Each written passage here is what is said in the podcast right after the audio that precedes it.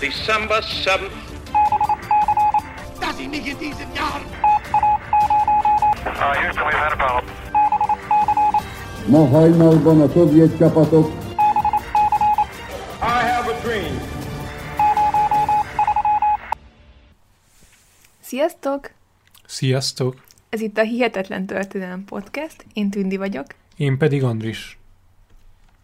És mielőtt még elmondjuk, hogy mi a mai témánk, ha bár ezt valószínűleg a címteket már kitaláltátok, na mindegy, mielőtt még bejelentjük, egy kicsit szeretnénk visszacsatolni az előző adásunkhoz, ugye a gyermekvonatok témájához, ugyanis megdöbbentően sokan írtatok nekünk, hogy ez, így a témával kapcsolatban, hogy vannak olyan rokonaitok, nagyszüleitek, akik részt vettek ebben a programban, és nagyon szépen köszönjük, hogy ilyen sok személyes megosztást ö, történt, és képzeljétek el, van, aki még fotót is küldött nekünk. Úgyhogy ö, igazából még sosem kaptunk ennyi levelet egy adás után, úgyhogy nagyon szépen köszönjük. Nekem pedig kiderült közben a családomban, hogy volt egy rokon, méghozzá a déd nagymamám, aki mint kísérő járt kint Belgiumban vagy Hollandiában, tehát ő is megjárta ezt az utat a gyerekekkel külföldön, nyugaton. És van egy másik jó hír is a témával kapcsolatban, ugyanis 2021 őszén lesz majd egy kiállítás a gyermekvonatok témájában, az ELTE Néderlandisztika Tanszék és a Budapesti Történeti Múzeum közös rendezésében, ami biztosan nagyon érdekes lesz, ugyanis ezt a témát már évek óta kutatják az ELTE Néderlandisztika Tanszékén. A kiállítás szervezője, Réthelyi Orsolya pedig megadta nekünk az e-mail címét, és megkért minket, hogy osszuk meg veletek, Úgyhogy azt szeretnénk kérni, hogyha a családotokban van egy történet, egy családtagról, ismerősről, aki járt külföldön, vagy pedig vannak olyan tárgyak, levelezések, amik fennmaradtak ebből az időszakból, és szeretnétek megosztani a kiállítás szervezőivel, akkor vegyétek fel vele a kapcsolatot, és nagy örömmel várják a, az élménybeszámolókat és a, a személyes tárgyakat, fotókat is. A mai témánk pedig Magellán lesz, és a világ körüli útja. Ezt a témát pedig Balázs hallgatónk levele miatt választottuk, ugyanis ő még pár hónappal ezelőtt felhívta a figyelmünket arra, hogy Magellának és Elkánónak milyen izgalmas útja volt, ami ugye megkerülte a Földet. Nem szeretnénk rögtön a történet végére ugrani, viszont a címből már kitalálhattátok, hogy Magellán nem élte túl az utat, tehát ő neki nem sikerült meg kerülni a Földet, ettől függetlenül neki szokták tulajdonítani ezt, és Magellánhoz kötik a Föld első megkerülését. A mai adásban ezen az úton fogunk végigmenni, és nem fogunk hiányt szenvedni az izgalmakban, mivel ezen az úton minden olyan dolog megtörtént, ami egy vérbeli hajós vagy kalóz történetben megtörténhetett. Lesz szó lázadásról, lakatlan szigetekről, kanibálokról, éhezésről és viharokról. Tartsatok velünk, hogy megismerjétek Magellán és társainak igaz történetét. Ahhoz, hogy megértsük, hogy miért volt szükség Magellán utazására, először meg kell értenünk az akkori politikai helyzetet. Azt gondolhatjuk, hogy Magellán utazásának az elsődleges célja az volt, hogy megkerülje a Földet, de ez nem igaz. Inkább egyszerűen csak a helyzet hozta úgy, hogy végül az egész Földet sikerült megkerülniük a hajósoknak. Az akkori korban két nagy, a tengeren is terjeszkedő hatalom volt Európában, Spanyolország és Portugália. Mind a két ország arra törekedett, hogy minél több Európán kívüli területet kaparintson meg, vagy hogyha megszerezni nem is tudja az idegen területeket, akkor legalább jó kereskedelmi útvonalat építsenek ki, amivel biztosítani tudják az Európában nagyon ritka és ennek megfelelően igen drága nyersanyagok beszerzését. A nagy felfedezések korát igazán az indította be, amikor 1453-ban elesett Konstantinápoly, a keresztény Európa keleti bástyája. Talán pont nekünk magyaroknak nem kell magyarázni, hogy milyen hatással volt az országra az isztambuli vereség, ugye pár évtizeddel később már Mohácsnál harcoltunk a törökökkel. Viszont nem csak Magyarországra, hanem egész Nyugat-Európára is nagy hatással volt ez a verekség – ugyanis a jól bejáratott kereskedelmi útvonalak, amik Ázsiából ö, indultak, szinte mind Konstantinápolyon keresztül vezettek.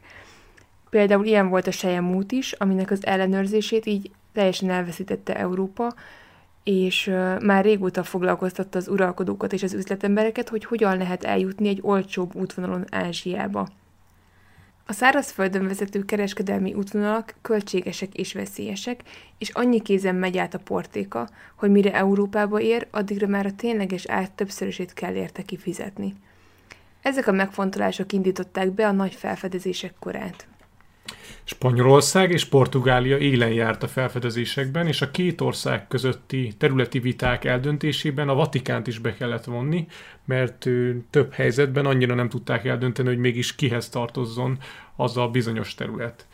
1494-ben 6. Sándor pápa a világot két részre bontotta az Atlanti óceánon, a 48. hosszúsági vonal mentén.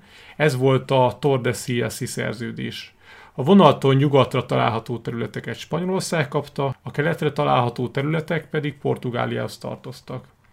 A területek felosztását többször is módosították az évek alatt, így lehetséges az, hogy a portugálok kiharcolták azt, hogy a határvonal érintse Dél-Amerika keletre nyúló területeit is, így birodalmukhoz tudták csatolni Brazíliát. A folyamatos versengés miatt a két ország közötti kapcsolat kimondottan rossz volt. Magellán portugál volt, és ezt nagyon fontos hangsúlyoznunk, viszont a földet egy spanyol armadával kerülte meg, így ez csak növelte a két ország közötti feszültséget. De hogy lehet az, hogy egy hűséges portugál tengerész hagyta saját szülőföldjét, és az ellenséges spanyolok mellé szegődött? Magellánnak erre több oka is volt. Magellán egy portugál nemes családba született, és 12 éves volt, amikor a bátyjával együtt a királyi udvarba került, ahol aprótként alkalmazták őket.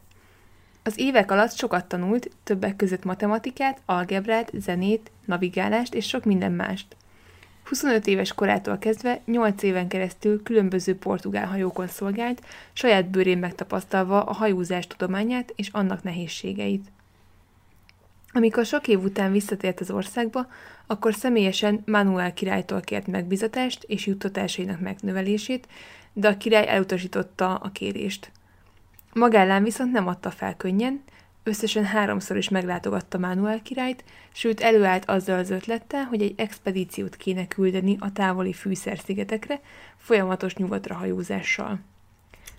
Igen, itt annyi kiegészítést tennénk, hogy itt azt jól látni, hogy az ötlet is már maga, hogy a fűszerszigeteket így egy külön úton érjék el, az Magellánnak volt. Tehát ez nem egy ilyen felső utasításra jött, hogy mi lenne esetleg, összeültek a tudósok a király körül, és azt mondták, hogy mi lenne, hogyha megtalálnánk a fűszerszigetekre egy, egy új útvonalat, hanem ezzel Magellán állt elő, nyilván annak a tudásnak a birtokában, amit ő a portugál évei, vagy a hajózásban töltött évei alatt szerzett.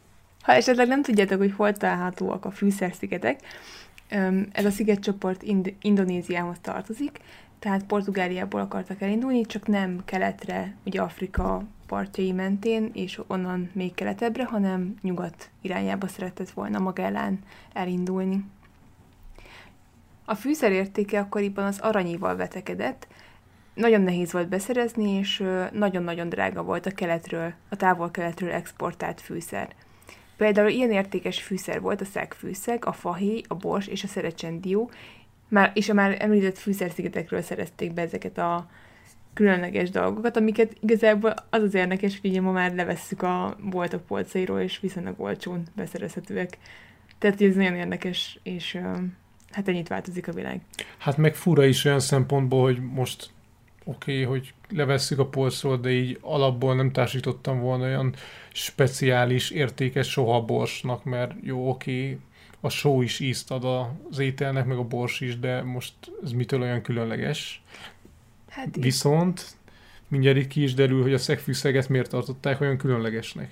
Igen, ugyanis ezt a fűszert ételízesítésre és a kivonatált szembetegségek gyógyítására használták, valamint a belőle készült porokat láscsillapítóként használták fel.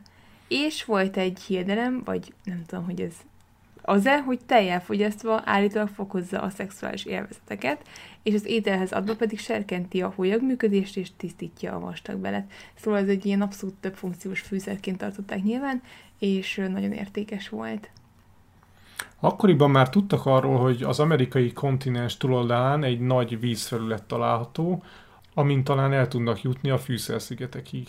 Az Atlanti óceán és a Csendes óceán közötti átjárót kell megtalálni, és ezzel egy új útvonal jönne létre, ami teljesen független lenne a portugál felség területektől, vagy felségvizektől. A többször visszautasított Magellán megkérdezte a királyt, hogyha nem hagyja jóvá az utazását, akkor legalább felajánlhatja másnak a szolgálatait, amibe Manuel portugál király belement. Sőt, a legenda szerint még meg is alázta a király egy kicsit Magellánt, mivel amikor búcsúzásra készült Magellán, és az ilyenkor szokásos kézcsókot szerette volna végrehajtani, akkor a király egyszerűen elhúzta a kezét, ezzel megalázva Magellánt, tehát ez egy akkori bevett szokás volt, hogy kézcsókkal üdvözlik a királyt, de a király ezt visszautasította Magellán esetében, ezzel valószínűleg vérig sértette Magellánt. Magellán nem gondolkozott sokáig, átment a szomszédos Spanyolországba, ahol első Károly király támogatta vakmerő terveit. A spanyol király sem volt könnyű meggyőzni, de Magellen alaposan felkészült erre a bemutatkozásra, és az ország vezetőinek be is mutatta a tervét. Hogy még hatásosabb legyen az előadás, elhozta a rabszolgáját is, akiről azt hazudta, hogy a fűszerszigetekről származik, így semmilyen kommunikációs gondjuk nem lesz majd, amikor ugye elérik a célpontot. Egyes visszaemlékezések arról is tanúskodnak, hogy egy gyönyörű távol-keleti nőt is magával vitt erre a bemutatkozásra, aki sok nyelven beszélt. Valamint bemutatott egy térképet a tervezett úttal, annak ellenére, hogy a dél-amerikai tengeri átjáró pontos hely akkor még nem volt ismert. És ez azért, vagy, azért volt nagy dolog, hogy vitt magával egy ilyen térképet, mert a portugálok nagyon nagy titokban tartották a felfedezéseik térképeit, azért, hogy ez ne segítse a többi országot, a, hát ugye az ő felfedezéseikben. Tehát így azzal, hogy egy ismeretlen területet is mutató portugál térképet mutatott meg a királynak, ez akkoriban olyan volt, mint hogyha hát így összehasonlításképp, mint hogyha mondjuk a hidegháborúban valaki nukleáris titkokat mutatott volna meg az ellenségnek és valószínűleg ez is nagyban hozzájárult ahhoz, hogy a spanyol királyt végül sikerült meggyőznie, és ő, ő jóvá hagyta az utazást. Azért azt tegyük hozzá, hogy Magellán ügyes volt. Tehát ez a húzás, hogy mindenféle embereket felvonultat, mint akik a fűszerszigetekről jöttek, és ők segítik a munkájukat, valamint bemutat egy olyan térképet, aminek valószínűleg egy része bluff lehetett, tehát a portugálok sem tudták, hogy pontosan hol van ott átjáró, de valószínűleg be volt rajzolva valami Dél-Amerikához egy átjáró, ami fiktív lehetett, mert nem tudták pontosan, hogy hogy van. Tehát Magellán elég rafkós volt, és így sikerült meggyőzni a spanyol királyt. Ha belegondolunk abba, hogy egy fél földet megkerülő útra mire lehet szükségünk, akkor azért elég komolyan fel kell készülni egy ilyen hosszú távú útra. Minden apró részlet számít, hiszen a tengeren csak a hajókra, a felszerelésre és a megbízható vagy kevésbé megbízható matrózokra lehet számítani. Az armada öt hajóból állt, melyek méretei mai szemmel nevetségesen kicsinek hatnak. A kisméretek azért is voltak szükségesek, mivel Szeviából hajózott ki a flotta, ahol a folyóvize nagyon sekély, tehát nem lehetett nagyméretű hajókat építeni. Ráadásul senki nem beszélt új hajók építéséről, mind az öt hajó már rég szolgálatban lévő hajók voltak, tehát az indulás előtt, mint egy régi használt autónál alaposan fel kellett újítani, és át kellett nézni ezeket a hajókat, hogy megfelelően működjenek az út során. Az útra vittek magukkal élő állatokat, hét tehenet és három disznót. A hosszú utakra egyébként szokás volt ecettel töltött hordókat vinni, amik szükségesek voltak ahhoz, hogy fertőtleníteni tudják az ivóvizet. Később egyébként az éhezéstől szenvedő hajósok a rothadó kétszer sültet is ezzel az ecettel próbálták egy kicsit feláztatni, hogy ehetőbb legyen. Tehát az ecetnek több funkciója is volt. Az élelmiszer ellátmány egyébként nem volt túl egészséges, mai szemmel pedig főleg nem. Magas sótartalom, kevés fehérje és hiányzó vitaminok jellemezték. A spanyol király kikötött pár dolgot, amit az utazás során be kellett tartania Magellánnak. Egyrészt semmilyen módon nem szekhette meg a Tordesillas-i szerződést, vagyis nem hajózhatott portugál vizekre. Valamint a király kikötötte azt is, hogy ha benszülöttekkel találkoznak, akkor bánjanak velük emberségesen, ne süssék el a fegyvereiket, ne csapják be őket, sőt a legénység tagjainak megtiltották azt is, hogy a benszülött nőkkel érintkezzenek. Tilos volt a hajók fedélzetén az istenkáromlás, a kártyázás és egyéb szerencséjátékok is.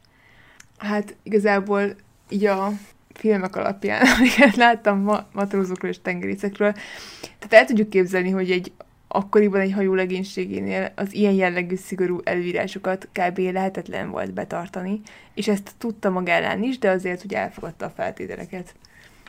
Feszültségeket szült az, hogy egy portugál tengerészt neveztek ki egy spanyol expedíció élére, úgyhogy sokan ellenségesen viselkedtek Magellánnal szemben. A felkészülés során, amikor Magellán saját címerét tűzte ki a zászlós hajóra, akkor többen fellázadtak a szeviai kikötőben, és követelték, hogy vegye le a zászlót, mivel azt hitték, hogy a portugál címer van a zászlón. Ugye Magellán nem volt hajlandó levenni a saját címerét, ezért katonák lepték el a hajót, és a tengerészeket lefegyverezték, egy részüket pedig börtönbe vetették, sőt addig fajult az eset, hogy a dulakodásban Magellán egyik kormányosát le is szúrták. A spanyol király elítélte az esetet és letartóztatta az elkövetőket, de ez nem változtatott a tényen, hogy a két ország ellenségeskedése miatt a spanyol hajósok nehezen viselték el, hogy egy portugál vezeti az expedíciót. Ráadásul a legénység egy jó része szintén portugál származású volt, mivel Spanyolországban kevés tapasztalt hajós volt, és így nehéz lett volna összeszedni a legénységet. És ennek az egyik oka az volt, hogy nagyon kevesen nagyon kevesen jelentkeztek erre a veszélyes vállalkozásra. Azért, hogy Magellánt az utazás során felügyelet alatt tartsák, egy társvezetőt rendeltek mellé, egy Cartagena nevű spanyol nemest, aki felügyelői szerepet kapott. Nem definiálták pontosan ezt a szerepet, és az utazás során később sok gondot okozott még Magellánnak ez az ember, Cartagena fizetése messze meghaladta Magellán fizetségét is, ráadásul az övé volt a végső szó, amennyiben kereskedelmi ügyletekbe bocsátkozott a flotta, és azzal volt megbízva, hogy az utazás végén részletesen számoljon be a királynak arról, hogy hogyan tartotta be Magellán a királyi rendeleteket. Tovább bonyolította a helyzetet, hogy az indulás előtt nem sokkal a portugál király értesült Magellan árulásáról, és egy követet menesztett hozzá, hogy győzze meg arról, térjen vissza hazájába, mivel meggondolta az ügyet, és most már jóvá hagyna az expedícióját. Magellánt azonban már nem érdekelte a portugál király, minden készen állt az indulásra, viszont első Manuel király nem hagyta annyiban a dolgot, és nem sokkal a szevillai indulás követően portugál hajókat küldött az armada levadászására. 1519. augusztus 10-én 257 ember indult útra Szevijából a Fűszer-szigetek felkutatására. Az elkövetkezendő három év történéseit azért ismerjük olyan pontosan, mert többen is nagyon részletes naplót vezettek. A leggondosabb krónikás egy Pigafetta nevű velencei nemes volt, aki szintén részt vett az utazáson. Habár az armada neve Armada de Moluka utalta Moluka szigetekre, azaz a Fűszer szigetekre, legénység egy jó részének sejtése sem volt arról, hogy valóban mi az úti cél. A távoli célt azért is akart eltitkolni maga ellen minél jobban a tengerészektől, mivel akkoriban mindenféle természet felett itt tulajdonítottak a nagy utazásoknak. A tengerészek szó szerint vették, hogy a világ peremére utaznak, jó részük abban is hit, hogy tengeri szörnyek vadásznak rájuk, és ha áthajóznak az egyenlítő vonalán, akkor az óceán vize felfor és felgyújtja a hajót. Voltak más mesék is, például mágneses szikláról, ami mindent magához vonz, ezért képtelenség elhajózni mellette, de ha messze hajóznak el tőle, akkor is a hajótestből kihúzza a szögeket, ezzel pedig léket kap a hajó és elsüllyed. Érdekes kiegészítés, ha már a tengeri utazásokról beszélünk, hogy akkoriban milyen higiéniai szokások voltak, és hogyan végezték el az emberek a dolgukat a hajókon. A vizelés viszonylag könnyebb feladat volt, hiszen csak a fedélzet peremére kellett állni, és megfigyelni az uralkodó szélirányt. A nagy dolgok elvégzése ennél bonyolultabb volt, és komoly egyensúlyérzéket követelt. Volt egy direkt erre a célra kifejlesztett szerkezet a hajó előső és hátulsó végén, az úgynevezett járdine. Ez gyakorlatilag egy gyalulatlan deszka volt, ami kinyúlt az óceán habjai fölé. Két dolog is viszonylag kellemetlen volt ezzel kapcsolatban. Egyrészt, mivel nem volt takarásban, ezért ha valaki a dolgát végezte, akkor az egész fedélzet minden matrózzal látta, hogy éppen mi történik ezen a latrinán. Másrészt, ha nagyok voltak a hullámok, akkor a vízpermet kellemetlenül érte az ember ülepét. Nem mellesleg, nem egyszer az emberek vécézés közben estek a vízbe, és tűntek el örökre a habokban. A flotta könnyen eljutott a Kanári-szigetekig, viszont ott nem időzhettek sokáig a további ellátmány berakodásával, ugyanis hírt kaptak arról, hogy a portugál hajók elindultak az armada elfogására. Így lehetséges az, hogy a nagy kapkodásban az egyik kereskedő hát átverte magállányikat egy egész nagy mennyiséggel, ugyanis a számlák jóval több gyertyáról szóltak, mint amit valójában bepakoltak a hajóba. Az ilyen jellegű átverések nagyon ö, veszélyesek voltak egy hosszú út során, hiszen hogyha félúton a tengeren valami fontos alapanyag elfogy, akkor azt ugye már nem tudják pótolni később. Úgyhogy amikor megkapták a hírt, hogy a portugálok kvázi vadásznak rájuk, akkor ö, gyorsan bepakoltak és tovább is indultak. És érdekesség, hogy amúgy a portugálok Kolumbusz útjakor is küldtek ki hajókat a felfedező hajó elkapására, szóval, hogy ez így már egy ilyen bevett gyakorlatuk volt, hogy nem akartak nagyon másokat odaengedni az új területekre. Tehát, ahogy mondtuk, hamar elhagyták a Kanári-szigeteket, és Afrika partjai mellett hajóztak tovább délnek, viszont egy erős viharba keveredtek, ami erős szélökésekkel is járt, és ez azt jelentette, hogy másfél hónapon keresztül folyamatosan esett az eső. 60 napig tartott az ítéletidő, és ekközben az ellátmány jó része teljesen használhatatlanná vált, úgyhogy magálának csökkentenie kellett a feldagakat, viszont ez meg lázadásokat szült a fedelzeten, és ugye, amit mondtunk korábban, hogy alapból egy kicsit feszült volt a helyzet, ugyanis a spanyolok egy része nem tudta elfogadni, hogy egy portugál vezeti őket, úgyhogy nagyon feszült volt a hangulat. Ebben a feszült helyzetben egy botrány is kirobbant az egyik hajón, ami csak súlyosbította a helyzetet. Egy fedélzetmestert rajta kaptak, hogy szexuális kapcsolatra kényszerített egy hajósinast, a spanyol törvények értelmében pedig akkoriban a homoszexualitást halállal büntették. Viszont az ilyen jellegű esetek elég gyakoriak voltak a hosszú távon összezárt matrózok között, és általában szemet hunytak az eféle dolgok fölött. Magellán viszont úgy érezte, hogy be kell bizonyítani a keménységét, így összehívott egy rögtönzött esküdszéket, amin halára ítélték az elkövetőt. Cartagena, az ellenséges spanyol felügyelő közben lázította a legénységet. Véleménye szerint Magellán viharba vezette őket direkt, most pedig szélcsendben várakoznak napok óta, amivel Magellánnak egyértelmű célja, hogy ne vezesse célra, hogy elveszítse az egész flottát. Egyébként itt érdekes kiegészítés lehet az, hogy, hogy Magellán valóban a nagyon sokáig délnek utazott lefelé az afrikai partok mellett, amit Cartagena lázadásnak vélt, vagy hát, hogy a helyes, nem a helyes utat követik, hiszen ők Dél-Amerikába utaznának, és ahhoz át kell szelni az óceánt, viszont Magellán ezt azért tette, hogy lerázza magáról a portugál hajókat, akik valószínűleg arra számítottak, hogy más irányba fognak ők menni. Végül a hajókon pattanásig feszült a helyzet, és Cartagena két hajó vezetőjével együtt Magellán kabinjába ment, és ott akart lecsapni a kapitányra, viszont Magellán számított érkezésükre, és elfogta őket.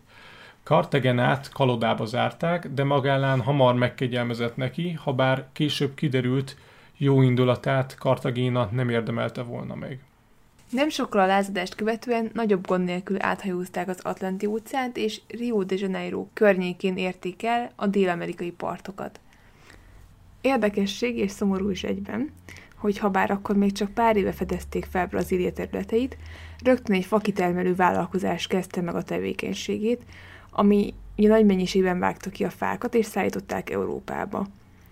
Brazíliát egyébként elsőként a spanyolok fedezték fel, viszont ők nem tartották ezt annyira fontosnak, tehát nem tulajdonítottak nagy jelentőséget ennek a területnek, viszont pár évvel később megérkeztek a portugálok is, akik pont az előbb említett fakitermelés részeként egy vámházat működtettek az óceán partján. Magellánéknak pedig nagy szerencséjük volt, hogy az, amikor megérkeztek, akkor egy ellenséges portugál hajó sem tartózkodott a környéken.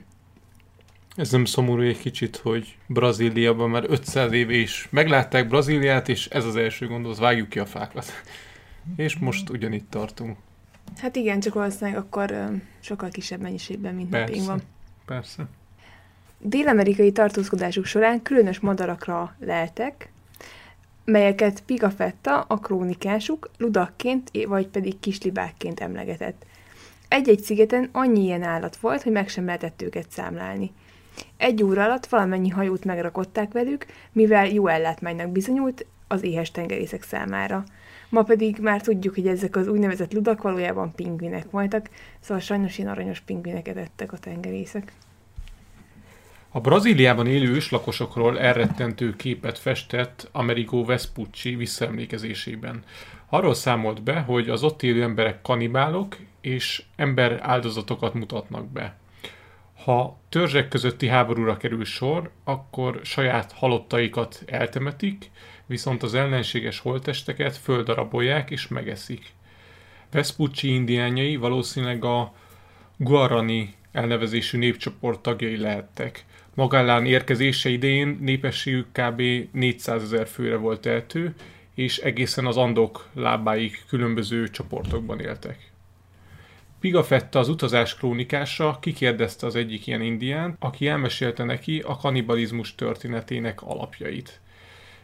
Egyszer réges-régen állítólag egy öreg asszony fiát megölte a szomszédos törzs, azonban pár nappal később elfogtak valakit a szomszédos törzsből, és az asszony elé vitték, aki annyira felbőszült, hogy őrült tekintettel odaszaladt a férfihoz, és annak vállába harapott mérgében. A férfi azonban pár nappal később megszökött, és elújságolta a szomszédos törzseknek, hogy élve akarták megenni őt, miközben a vállán található sebeket mutatta nekik. Az incidens oda-vissza támadásokhoz vezetett, ami végül beindított egyfajta kannibalizmust a törzsek között. Ezek a történetek a felajzolt legénységet nem riasztották vissza a kanibál törzsek női tagjaitól. Mindenféle csecsebecséért, ami a törzsekben értékes lehetett, szexuális élvezeteket vásároltak maguknak a matrózok. Habár az ilyen jellegű eseményeket megtiltotta a spanyol király, ezzel nem törődtek sokat, és magállán sem akart ennek útjába állni, mivel azzal biztosan az egész legénység nem tetszését váltotta volna ki, és garantált lett volna a lázadás. A lázadás ettől függetlenül is bekövetkezett, amikor pár száz kilométerrel délebbre hajóztak. Közelgett a tél, és minél hamarabb meg kellett találniuk a déli átjárót, ami a csendes óceánhoz vezetett, azonban erről a területről már semmilyen térképpel nem rendelkeztek. Az átjáró keresése nagyjából úgy nézett ki, hogy ha egy nagyobb öbölhez értek a part mellett, akkor azon felhajóztak, hát hogyha az átvezet a, az átjáróhoz. Hogyha megnézzük a térképet, akkor ugye Dél- Dél-Amerika térképét, akkor láthatjuk, hogy a partjainál jó pár ilyen nagyobb öböl van, és éppen miatt nagyon lassan tudtak lefelé hajó, hajózni, és közben pedig megjött a tél is, tehát beállt a hideg. A morált pedig tovább csökkentette az is, hogy a hajókon elszaporodtak a patkányok és az egenek, valamint különböző kártevők, amik pedig az élelmiszer mennyiséget tizedelték, ennek következtében Magellánnak pedig le kellett csökkenteni a fejdagokat. Ami ugye nyilván nem tetszést váltott ki a, a már alapból elcsigázott matrózok Igen, között. egyértelműen. A telelésre egy Puerto San Julián nevű öblöt találtak, viszont amikor Magellánék megpróbálták beazonosítani a hosszúsági fokot, akkor azt állapították meg, hogy feltehetőleg portugál területen vannak már, vagyis átlépték a Tordesillas-i szerződés határvonalát, és ez is növelte a feszültséget, mivel a telelésre kinézett öbből ellenséges területen feküdt, úgyhogy nagyon veszélyes volt számukra itt tartózkodni.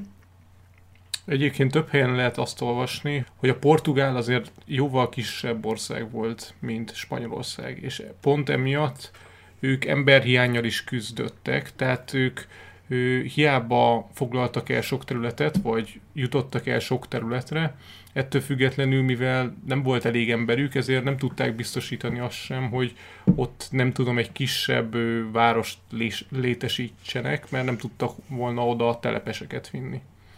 Tehát ilyen szempontból Magellánéknak szerencséjük volt, hogy, hogy akkoriban dél-amerikai partja, partjainál kevés portugál hajó hajózott, vagy járt arra. Az öbölben pihentek a kikötött hajók, amikor az öt hajóból három kapitánya lázadást kezdett szervezni Magellán ellen. A lázadó hajók közötti kommunikáció kis csónakokkal történt, akik oda-vissza utaztak az ötletekkel és a friss információkkal a lázadó hajók között. Az egyik üzenet továbbításánál a kis csónak, aki a hírvivőket szállította, a viharos szélben letért eredeti útjáról, és maga tehetetlenül a zászlós hajó Magellán hajója felé sodródott. A kapitány látszólagos örömmel fogadta az üzenetvívőket, és húsvét lévén nagy lakomát csapott, ami mellé bőségesen ellátta az összeesküvés tagjait borral, akik az ital hatására elárultak ezt-azt a szerveződő összeesküvésből. A lakomát követően a lázadók hajói vezetői üzentek Magellánnak, hogy mik a követeléseik. Lényegében arra kérték az armada vezetőjét, hogy adja meg magát, és közölték vele, hogy átvették a flotta irányítását. Magellán azonban csak annyit üzent vissza, hogy ha akarnak valamit közölni vele, akkor ne üzengessenek, hanem jöjjenek át az ászlós hajóra és beszéljék meg. Természetesen a lázadók viszont ennek nem akartak eleget tenni, és azt üzenték Magellának, hogy inkább az ő hajójukon legyen a megbeszélés. Ahhoz, hogy megértsük a szituációt, látni kell azt, hogy Magellánnal szemben túlerőbben voltak a lázadók. Egyrésztről három lázadó hajó állt szemben Magellán két hajójával, ráadásul a legnagyobb hajó, a San Antonio is a lázadók kezén volt. Ezért Magellán cselhez folyamodott. Úgy gondolta, hogy jobban jár, ha egyesével szerzi vissza a hajókat, és a San Antonio-t hagyja utoljára. Magellán összeválogatott öt tengerészt, akiket a legkisebb lázadó hajójához küldött egy kis csónakban. Az öt tengerész barátságosan közeledett a hajóhoz, kezükben Magellán levelével, viszont bőruháik alatt fegyverek rejtőztek. Miután elindult az ötfős különítmény, utána nem sokkal egy 15 fős tengerészcsoportot indított Magellán az első csónak után. A lázadók felengedték a fedélzetre az ártatlannak tűnő öt tengerészt, és átvették Magellán levelét. A levélben az állt, hogy a lázadó hajó kapitánya azonnal adja meg magát, úgyhogy ő hanyagul összegyűrte a levelet és a vízbe hajdotta. Ekkor azonban fegyvert rántott az öt követ, és két kartcsapással megölték a kapitányt. Ekkor érkezett meg a második csónak a 15 emberrel, akiknek a segítségével kisebb ellenállás nélkül sikerült visszafoglalniuk a hajót a lázadóktól, akik a halott kapitányok után már nem voltak annyira bátrak, és megadták magukat. Így már fordult a kocka, és az öt hajóból három már Magellán kezén volt. Ekkor az öböl bejáratához kormányozta a hajóit, és lezárta a bejáratot, míg a lázadók az öböl belsejébe vonultak vissza. Magellán magához rendelt az egyik hűséges tengerészét, és azzal a titkos feladattal bízta meg, hogy az éj leple alatt közelítse meg a kisebbik lázadó hajót, és rongálja meg annak horgonyát. Úgy számolt, hogy az áramlatok ezt a hajót majd a további három hajó irányába fogják terelni, ahol majd megadásra kényszeríti a túlerővel szemben. Magellán számítása be is vált, és így sikerült visszaszereznie ezt a hajót is, tehát immáron már négy hajó volt Magellennel, és már csak a San Antonio volt az, ami ellenséges kézen volt, viszont ez, ez a hajó volt az Armada legnagyobb hajója. Viszont a San Antonio már a túlerővel szemben, ami Magellán oldalán át már tehetetlen volt, úgyhogy inkább ők is megadták magukat. A főszervezőkre többek között Kartagenára súlyos büntetés várt. Magellán azért, hogy még egyszer ne történhessen meg az eset, úgy gondolta, a legszigorúbban fog eljárni a lázadókkal szemben. Egyiküket lefejeztette, másikukat, a már korábban említett fegyverrel ártalmatlanított kapitányt felakasztották és testét felnégyelték, majd közszemléletették. A felnégyeléskor bevett szokás volt, mielőtt kihelyezték volna a testet, előtte gyógyfüvekben megfőzték, hogy a dögevő madarakat távol tartsák. Ne felejtsük el, hogy az inkvizíció korában járunk, szóval az ilyen jellegű megtorlások nem voltak ritkák akkoriban. Ezen kívül további 40 embert ítélt halálra, viszont tisztában volt azzal, hogy ha azt végre is hajtja, akkor annyira kevesen maradnak, hogy nem folytathatja az expedíciót, így az ő büntetésüket kényszermunkára változtatta.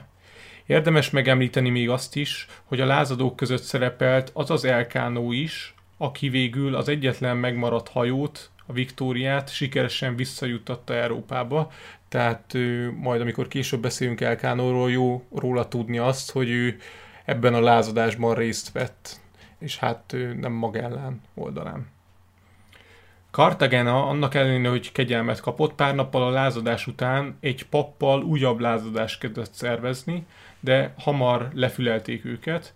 Büntetésük ez esetben pedig az volt, hogy egy lakatlan szigetre tették ki a papot és Cartagenát. Hogy mi történt velük utána, arról nincsenek információk, lehet, hogy sok év múlva ott veszítették életüket. A telet ebben az öbölben töltötték, viszont a tél vége felé felderítő útra indítottak több hajót az óceánok közötti átjáró után kutatva. Ekkor veszítették el az első hajójukat, a santiago ami az egyik felderítés során hatalmas viharba keveredett és a partnak csapódott. Nagy szerencsével a legénység minden tagja túlélte ezt a szerencsétlenséget, és egy kilógó földnyelvre tudtak menekülni a hajó orr árbócából, mielőtt még a hullámok és a part teljesen összezúzta a hajót. A túlélők azonban nem voltak jó helyzetben, mert még téli hideg uralkodott a vidéken, és több mint száz kilométerre voltak az armada többi hajójától, akik mit sem sejtettek erről a katasztrófáról. A szárazföldön visszavezető úton le kellett volna küzdeni több hó borított a hegyet és az 5 km széles Santa Cruz folyót. A 37 főből álló legénység eljutott valahogyan a Santa Cruz folyóig, viszont ott leküzdhetetlen akadálynak tűnt az, hogy ezen az 5 kilométeres 5 km széles folyón átkeljenek. Kiválasztották a két legjobb kondícióban lévő embert, tutajt építettek nekik, és útjukra indították őket, mivel ez volt az egyetlen lehetőségük, hogy értesítsék a többieket. A két névtelen hős 11 napig gyalogolt északnak, mire elérték a többi hajó tartózkodási helyét. Az ő kitartásuknak köszönhetően egy mentőcsapatot indított Magellán az az maradt másik 35 társuk megmentésére, így valamennyien túlélték ezt a katasztrófát, ami egyébként egész hihetetlen. Egész hihetetlen, és kár, hogy nincsenek erről nagyon részletes a feljegyzések. Érdekes azt megegyezni, hogy az egyik forrás, amiből dolgoztunk, annak a könyvnek az írója, ő személyesen is lement, hogy megnézze ezt a területet, magát a szorost, amiről mindjárt beszélni fogunk, ahol átkeltek a két óceán között, meg ezt az egész területet. Ugye ez Dél-Amerikának nagyon a déli részén van, és hogy amit ő nem értett, és amire nincsenek utalások a visszaemlékezésekben, hogy ezek az emberek hogyan küzdöttek meg a hideggel. Tehát az író elmondása szerint ő nyáron volt ott, és már akkor is olyan hideg van, meg nagyon szeles az idő, hogy egy téli ítélet időben azt nem tudja elképzelni, vagy nem tudta elképzelni, hogy az milyen lehetett, és nincsenek arról feljegyzések, hogy ezek az emberek mivel mentek oda. Hiszen ők Spanyolországból indultak, annyira kemény téli felszerelésük feltetőleg nem volt, és mégis túl tudtak élni ilyen nehéz körülmények között is. Egyébként ez talán még magyarázza azt is, hogy miért volt olyan rossz a morál, és hogy miért tölt ki a rázadás. Hát ilyen rossz körülmények között valószínűleg nem csoda, hogy lázadásba fajult a dolog. A Puerto San Juliani tartózkodás egy másik érdekes eseménye szorosan összefügg a ma is használt Patagónia elnevezéssel, ugyanis ekkor találkoztak az ottani őslakosokkal is, akik hihetetlenül magasak voltak az európai utazókhoz képest. Pigafetta feljegyzései szerint voltak olyan óriások, akiknek csak a derekáig értek, ami alapján minimum 240 cm-esek lehettek, de ezek inkább csak a krónikás költői túlzásai lehetnek. Az viszont bizonyos, hogy különleges csizmát viseltek, ami megdövelte eredeti magasságukat, ami egyébként így utólag úgy sejtik a tudósok, hogy ez nagyjából 180 centi lehetett, de hát ugye tudjuk, hogy Európában régen az átlagmagasság alacsonyabb volt, mint most. Magellán végül az indiánoknak a Patagón nevet adta, amit a spanyol patacones, azaz nagymancsú kutyaszóból eredeztetett, különleges nagyméretű csizmájuk miatt.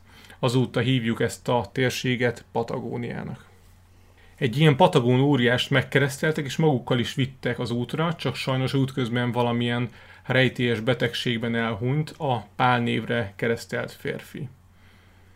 A feltételezett átjárót idővel megtalálták, de ez nem volt könnyű. Ha valaki megnézi Dél-Amerika déli csücskét, akkor láthatja, hogy nagyon széttagolt ez a terület. Sok kis szigetből áll, amik között szűk fjordok húzódnak meg, melyek között hajózni ismeretlenül olyan, mint hogy egy útvesztőbe kerülne az ember. Akár még meg is kerülhették volna az egész kontinenst, csak ahhoz még pár száz kilométerrel lejjebb kellett volna hajózniuk, ami még hidegebb időjárást jelentett volna, ráadásul nem is tudták, hogy megkerülhető a kontinens, hiszen ők abban a hiszemben éltek, hogy egy szűk átjárót kell majd keresniük, ami a két óceánt összeköti. A szorost, amit Magellán megtalált és napokig kóvályott benne, azt ma Magellán szorosnak nevezzük, és a tűzföld kifejezés is tőlük ered, mivel a hajókról több tüzet is láttak a partokon, amikről azt hitték, hogy indiánok rakták. Ennél viszont sokkal valószínűbb, hogy a, a heves viharok következtében a villámlások okozták ezeket a tüzeket. Viszont ezt az igazságot sose fogjuk már megtudni valószínűleg, annyi bizonyos, hogy a mai napig tűzföldnek nevezzük ezt a vidéket.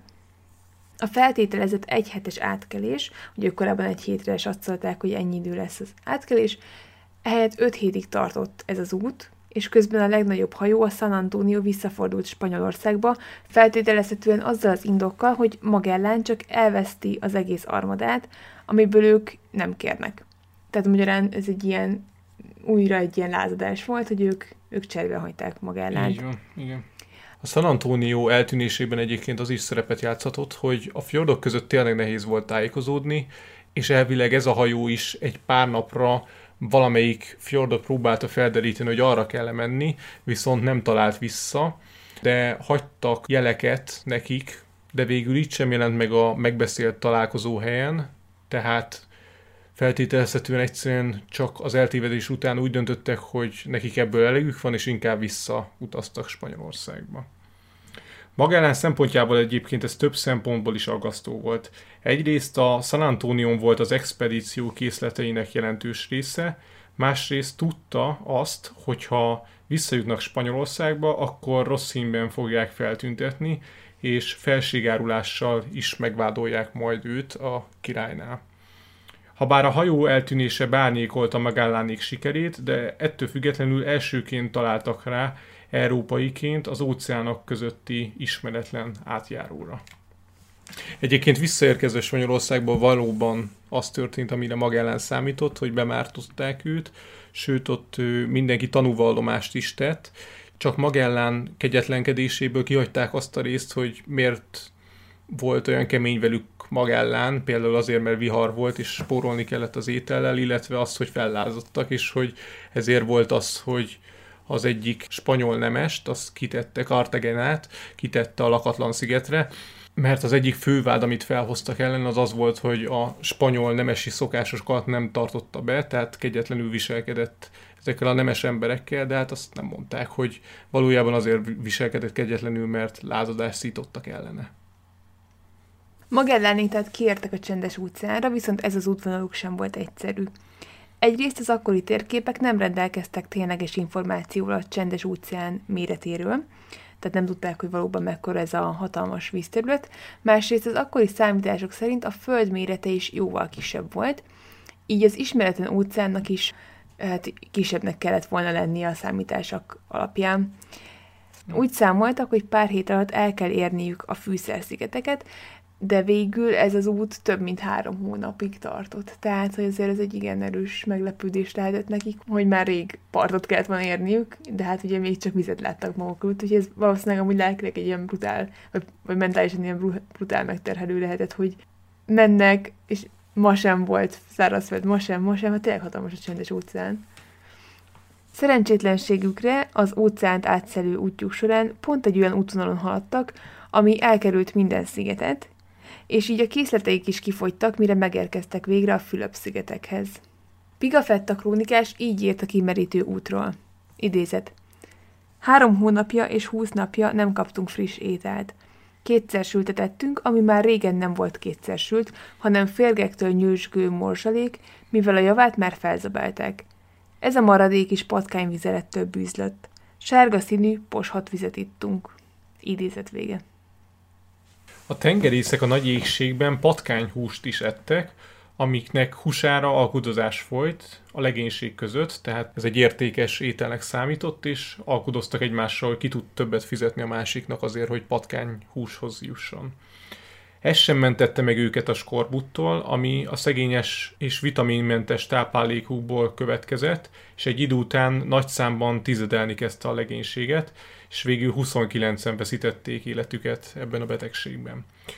Akkor még nem tudták, de a patkányhús valóban segített egy kicsit a helyzeten, ugyanis az állat szintetizálni tudja a C-vitamint, és egész sokat tárol belőle testében. A sok hetes hajó út után megváltás volt megérkezniük a ma az Egyesült Államok területéhez tartozó Guam szigetéhez. Ezt követően szigetről szigetre haladtak, sok helyen kiszálltak a hajóból, és a helyi polinéz törzsekkel ismerkedtek. A legénység tagjai legtöbb helyen apró csecsebecsékért értékes élelmiszert vásároltak, viszont több helyen fegyveres konfliktus alakult ki a törzsek és Magellánék között, és ezeket a konfliktusokat általában az európaiak provokálták ki. Az egyik helyen ellopták a benszülöttek Magellán evezős kisméretű csónakját, mire ő az embereivel partra szállt és felgyújtotta a közeli falvakat. Magellán több helyen is elsütötte az ágyukat, hogy fitogtassa az armada erejét és az európaiak felsőbbrendűségét. Emellett arra utasította az embereit, hogy ha valahol aranyat találnak, vagy látnak, akkor tegyenek úgy, mintha ez egy közönséges film lenne, így jó árfolyamon ö, meg tudják szerezni maguknak. Az őslakosokkal több helyen is megismertették a keresztény vallást, és megkeresztelték őket. Nem csak egy pár embert ért át a keresztény hitre, hanem több ezer, de nem lehet tudni, hogy az armada elhajózása után mennyire tartották meg a, a hitüket ezek, ezek a törzsek. Magellán vallási elfogultsága egyre inkább fanatikus lett, és több helyen már azzal fenyegetőzött, hogy aki nem tér át a keresztény hitre, azokkal végezni fog. Hát ez ugye bár kis ellentmondás a kereszténységgel. Magellán mindvégig alsóbrendűként kezelte az itteni törzseket, és végül ez az önteltség okozta vesztét is. Az egyik szigeten a helyi törzsek hadakozásába is beavatkozott, ráadásul egy Lapu-Lapu nevű törzsfőnök falvát fel is gyújtotta pár nappal korábban, mert Lapu-Lapu nem akart áttérni az európaiak hitére. Lapu-Lapunak sok ellensége volt más törzsekből, akik kérték Magellánt és az európaiakat, hogy segítsenek le- legyőzni Lapu-Laput. Magellán nagyképűen magára vállalta a leszámolás szerepét, és arra kérte szövetségeseit, hogy ne is segítsenek neki a leszámolásban, azt majd pár tucat európai emberével elvégzi. Magellán meg volt győződve, hogy sikerrel fog járni, azonban elszámolta magát. A harcba vonult legénység tagjai 60 fegyveres számláltak, ezzel szemben azonban lapu-lapu emberei több mint ezren voltak, a krónikás elbeszélése szerint 1500-an lehettek, de ezt vetjük költői túlzásnak is, ha bár hogyha ezren vannak, akkor is hatalmas túrerőben vannak. Minden esetre a csata így egy oldalúra sikerült, és a sekély parti vizek miatt az armada három hajója csak távolból tudta végig kísérni a tragikus eseményeket. Magellán derekasan küzdött, de végül a túlerő győzött. Először egy mérgezett nyíl találta el a lábán, majd Pigafetta szerint így hunyt el a nagy felfedező. Idézet. Az egyik indián bambuszláncsát hajított a főparancsnok felé, aki azonban saját láncsájával azonnal megölte az indiánt. A fegyvert benne hagyta a testében. Azután megpróbált kardot rántani, de csak félig tudta kihúzni a hüvelyéből, mert egy bambuszdárda eltalálta a karját. Amikor a benszülöttek ezt észrevették, azonnal rárontottak. Egyikük bal lábán sebesítette még őt egy nagy baltával, mely handzsára hasonlított, de annál nagyobb volt. Pár további ütést követően a főparancsnok arccal a földre zuhant. Idézet vége. Az mind a mai napig vitatott, hogy a legénység többi tagja, akik a nagy hajókon tartózkodtak, és ugye látták, ezt a, látták az eseményeket, miért nem siettek a kapitány segítségére. Láthatóan túlerővel szemben volt, ugye Magellán, és igazából nem lett volna kivitelezhetetlen az, hogy kimentsék őt onnan. És feltételezhető, hogy hát ezek az emberek igazából örültek Magellán bukásának, és nem akartak neki segíteni. Ugye azt már említettük korábban, hogy nem volt feltétlenül népszerű, főleg a spanyolok körében nem. A Fülöp-szigeteken Magellán szerepét és a felfedező halálát teljesen másképpen értelmezik, mint Spanyolországban. Az őslakosok számára Magellán egy betulakodó volt és gyilkos, Lapulaput pedig ő nemzeti hősként tekintik. Magtan kikötőjében van egy hatalmas szobor, ami Lapulaput ábrázolja a fegyvereivel, amint védőn a csendes óceán felé tekint. Magtan partjainál korabeli ruhákat öltve minden évben eljátszák ezt a csatát, ahol Lapulapu győzedelmeskedett a betolakodók felett.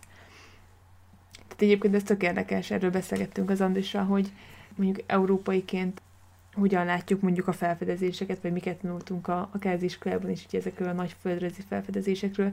Nyilván egyébként tényleg ö, hihetetlen bátrak voltak ezek az emberek, hogy útra keltek az ismeretlen felé, ugye akkor még tele voltak hiedelmekkel a hajósok. Szóval ezek, ezekről a hiedelmekről már esett szó, hogy például féltek attól, hogy esetleg ö, az egyenlítő környékén történik velük valami szörnyűség, vagy hogy lapos a föld és leesnek a széléről.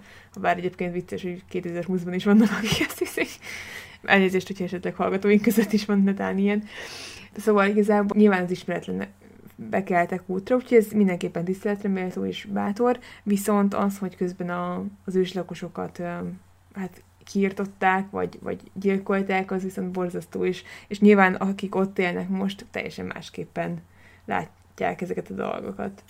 Igen, tehát ez a kétfajta narratíva, ami létezik erről. Itt Európában nyilván a dicső részét ismerjük jobban. Az egyébként érdekes ezzel kapcsolatban itt Lapu-Lapuval, hogy a spanyol király direkt kikötötte, hogy ne avatkozzanak bele a helyszíni dolgokba, és hogy ne ragadjanak fegyvert, ne bántalmazzák őket, ne verjék át. Hát ez képest ezekből semmi nem valósult meg, ha bár ezeknek a nagy részét gondolom Magellán úgy indult el, hogy tudja, hogy úgysem fogja betartani, de a források, amiből dolgoztunk, azok mind arra mutatnak, hogy egy kicsit elbízta magát, és tényleg azt érezte, hogy ő itt a felsőbbrendű lény a dárdás és íjas népekkel szemben. Miután Magellán meghalt, még mindig nem érték el a fűszerszigeteket, de már csak három hajójuk volt, a legénység töredéke élt, és elveszítették vezetőjüket. A következő hónapokban többször cserélt gazdát az armada vezetői pozíciója. Rögtön Magellán halálát követően a spanyolokkal szövetséges törzs lakomát rendezett, amire meghívták az armadát és a friss vezetőket, akiket Magellán után választottak. A korábban szövetséges törzs azonban behódolt Lapulapunak, és mivel féltek az ellenséges törzs bosszújától, ezért inkább csapdát állítottak az expedíció tagjainak, és a lakoma, amire meghívták őket, végül véres mészállásba torkolt, ahol 30 ember veszítette életét, zömében tisztek. Pigafetta krónikás szerencsére nem volt közöttük, mivel Magellán oldalán a csatában megsérült, így inkább a pihenést választotta, emiatt tudjuk pontosan, hogy mi történt a mészárlást követően az armadával. A megmaradt legénység nagyjából 115 főt számlált, azonnal vitorlát bontottak és távoztak a veszélyes szigetekről. Utolsó, amit láttak a hajóról, az volt, amint a szigetlakók a hegy csúcsáról a nemrég felállított keresztet ledöntik. Pár nappal később a három megmaradt hajójuk közül egyet saját kezükkel gyújtottak fel a spanyolok, mivel már nem voltak elegen ahhoz, hogy mind a három hajót ő, tudják irányítani. A megmaradt két hajóval pár hónappal később elérték a céljukat, a fűszerszigeteket. Ott a benszülöttekkel kereskedtek, és megvették azokat a ritka fűszereket, amiért két éven keresztül utaztak. Ezt követően nem is akartak tovább ott időzni, hazaindultak volna, azonban a Trinidad nevű hajó javításra szorult. A helyzetük nem volt felhűtlen, mivel a fűszerszigetek környékén már megjelentek az ellenséges portugál hajók is, akik, amint meghallották, hogy spanyol hajókat láttak a környéken, rögtön hajtóvadászatot indítottak az ellenséges spanyol hajók elfogására. Egyébként érdekes, hogy ugye, hogyha ránézünk erre a környékre, itt nagyon sok sziget van, és iszonyatosan nehéz tájékozódni, tehát az armada is csak úgy tudott tájékozódni, hogy felvettek a hajójukba egy-két benszülöttet, akiket megfenyegettek azzal, hogy megölik őket, hogyha nem vezetik el őket a fűszerszigetekre, és így tudtak eljutni szépen lassan, de ilyen nagy kerülőkkel a fűszerszigetekre. De hát ugye mivel nem rendelkeztek térképpel, ezért tényleg nem volt lehetőségük szinte semmi arra, hogy rendesen tudjanak tájékozódni. Miután hosszú távú kereskedelmi monopóliumról szóló szerződéseket kötöttek a helyiekkel, hiszen egyfajta új kereskedelmi útvonal kiépítése volt az expedíció célja, úgy érezték, hogy elvégezték, amit ők tenni tudtak, és ideje volt a hazaindulásnak. Hát az egy másik kérdés, hogy ezen a vidéken nem ismerték az írásos szerződést, hanem minden szerződést szóban kötöttek meg, ami ugyebár hát sajnos nem jelent túl sokat. Ez ebben az esetben is így volt, hogy megállapodtak a helybéliekkel, viszont megjelentek a portugálok, és felülírták a megkötött szerződéseket. A Victoria nevű hajó végül kihasználta az éppen kínálkozó keleti szelet, és elindult nyugat irányba, Elkánó kapitány vezetésével, míg a másik hajó, a Trinidad, a szigeteken maradt, amíg meg nem tudták javítani. Majd keletnek, Amerikának vette az irányt. Tehát a Trinidad a másik irányba indult el. Így van, igen. A Trinidadot végül portugál hajók elfogták, viszont Elkanó és a Victoria nagy nehézségek árán, mint egy kísértett hajó, megérkezett Szevíjába 1522. szeptember 6-án. A fedélzeten tartózkodó 18 ember volt az, aki először megkerült a földet, köztük a kapitány Elkanó és a krónikás Pigafetta. A Victoria hajó útja során 9 hétig, azaz több mint két hónapig várt a megfelelő széljárásra, hogy meg tudja kerülni a jó reménység fokát Dél-Afrikánál, valamint további megpróbáltatás érte a hajót a Zöldfoki szigeteknél is, ahol a parton a portugálok elfogták a legénység egy részét, így a hajó nélkül indult tovább. Végül a hajó úgy érkezett meg a kimerült legénységgel a szeviai kikötőbe, hogy az utolsó pár száz kilométeren a kis létszámú legénység jelentős részét lefoglalta a folyamatos víz szivattyúzása a hajó gyomrából, mivel hát ilyen lyukak keletkeztek a hajó oldalán, és ha nem csinálták volna ezt, akkor elsüllyedtek volna. Amikor megérkeztek, akkor jöttek rá a legénység tagjai, hogy a napló feljegyzéseikkel valami nem stimmel, mivel a naptár Spanyolországban egy nappal el volt csúszva. Ö, hiába keresték a hibát, nem találtak semmit, és aztán rájöttek, hogy, hogy ez amiatt van, mert megkerülték a Földet, és igazából nincs egy elválasztó vonal, ami határt képez a két naptári nap között, úgyhogy ez volt az oka annak, hogy egy nappal elszámították magukat. Amíg nem került meg senki a Földet, addig ugye nem is volt szükség erre az elválasztó vonalra. Viszont így, hogy már valaki megkerülte, így előjött ez a probléma, úgyhogy azt nem tudjuk pontosan, hogy mikor, de ezt bevezették, ezt a vonalat, ami ma a Guam mellett található, ami Amerikához tartozik, a csendes óceán közepén. Egyébként vicces olyan szempontból, hogy a napeltolódás miatt a vallási előírásokat Magellánék mindig rosszul tartották be, tehát nem vasárnap tartottak misét, és pénteken, amikor nem ettek volna húst, akkor mindig ettek, tehát, vagy hogyha volt rá lehetőség, akkor ettek, tehát ilyen szempontból is érdekes ez a történet. Beszéljünk egy kicsit Magellán teljesítményéről, hogy hogyan gondolkozunk erről. Egyrészt beszélhetnénk arról, hogy miért is tulajdonítják egyáltalán Magellának a föld megkerülését, hiszen ő csak félig tette meg az utat, tehát nagyjából az útnak a felé jutott el, amikor meghalt. De látjuk azt is, hogy amíg Magellán az armadával volt, az utolsó pár hónapot leszámítva mindig irányítás alatt tudta tartani a dolgokat, és az ő kitartásának köszönhető, hogy az átjárót megtalálták a két óceán között, valamint, hogy a lázadások nem vetettek véget a küldetésnek.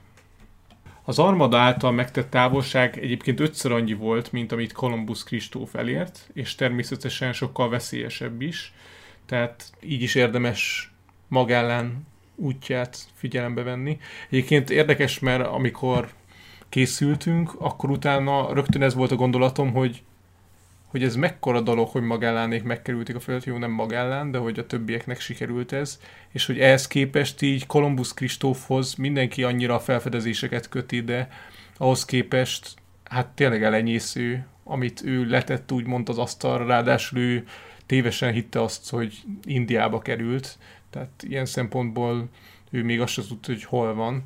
Tehát Magellánék teljesítménye tényleg lenyűgöző.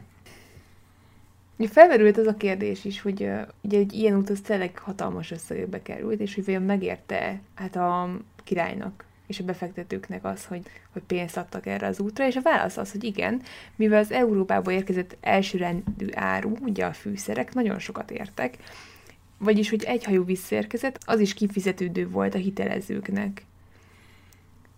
A föld körbehajózásával és a pontos feljegyzésekkel Európa pedig megismerte az eddigi ismeretlen csendes óceánt, és arra is rájöttek, hogy a föld kerületét eddig nagyon pontatlanul határozták meg, valamint az utazók megcáfolták a sellők létezését, az egyenlítőnél felfort tengert, vagy pedig a mágneses vizek létezését. Ugye korábban ebben, vagy ettől feltek, hogy, hogy létezik olyan mágneses víz, ami kiúzza a hajóból a szögeket, és akkor ugye szétesik a hajó, de, de hát ugye ezt mind megcáfolták. Viszont mérleg másik oldala az, hogy ez a felfedező út 200 ember életet követelt, tehát nagyon sokan meghaltak az út során. Magellán útja után több expedíciót is indítottak, amiknek az volt a céljuk, hogy megismételjék ezt az utat, vagy legalábbis a fűszerszigetekig eljussanak, de ezek a vállalkozások mind kudarcba fulladtak. Az expedíció tagjai vagy visszafordultak idő előtt, vagy pedig eltűntek a tengeren. Sir Francis Drake angol hajós volt az, aki 1580-ban, 60 évvel Magellánék útja után meg tudta ismételni ezt a nagy utat, és körbehajózta szintén a Földet. Habár földrészt nem neveztek el Magelláról, de egy ideig a csendes óceán az ő nevét viselte, Magellánikum néven, de ez az elnevezés nem volt tartós, ellentétben az ő általa felfedett tengerszorossal, ami mai napig az ő nevét viseli. Ez volt tehát Magellánék története, reméljük, hogy érdekesnek tartottátok, és tudtunk nektek újat mondani a témával kapcsolatban. Hallgassatok minket máskor is, vigyázzatok magatokra, sziasztok! Sziasztok! A forrásokat megtalálhatjátok a leírásban, vagy a hihetetlentörténelem.simplecast.com-on. Kövessétek a Facebook oldalunkat is, a Hihetetlen Történelem Podcast Facebook oldalt, ahol három naponta jelentkezünk érdekes villámtörikkel. Örömmel fogadunk e-maileket is a hihetetlen gmail.com e-mail címen, hogyha esetleg kérdésetek, észrevételetek lenne az adással kapcsolatban. A podcastet megtaláljátok az Apple Podcast adatbázisában, Spotify-on, Google Podcasten és még sok más helyen is. Hallgassatok minket máskor is. Sziasztok! Sziasztok! Ha más podcastekre is kíváncsi vagy, hallgassd meg a Béton műsor ajánlóját. El tudod képzelni, hogy a podcastet, amit éppen most hallgattál, fél év múlva már a mesterséges intelligencia generálja? Mi sem. De ha érdekel, eljötte már a gépek lázadása. Hallgass bele az Embertelen podcastbe. Orsós Lajos vagyok, a műsor házigazdája. Egyelőre még élőben. Egyelőre. Fedezzük fel együtt, hogyan ismerkedik, randizik, mesél és vitatkozik Betty és Péter, két teljesen mesterséges intelligencia. Lajos, a podcast címét mond még egyszer, Léci. Oké. Okay. Embertelen podcast. Ez a műsor a Béton közösség tagja.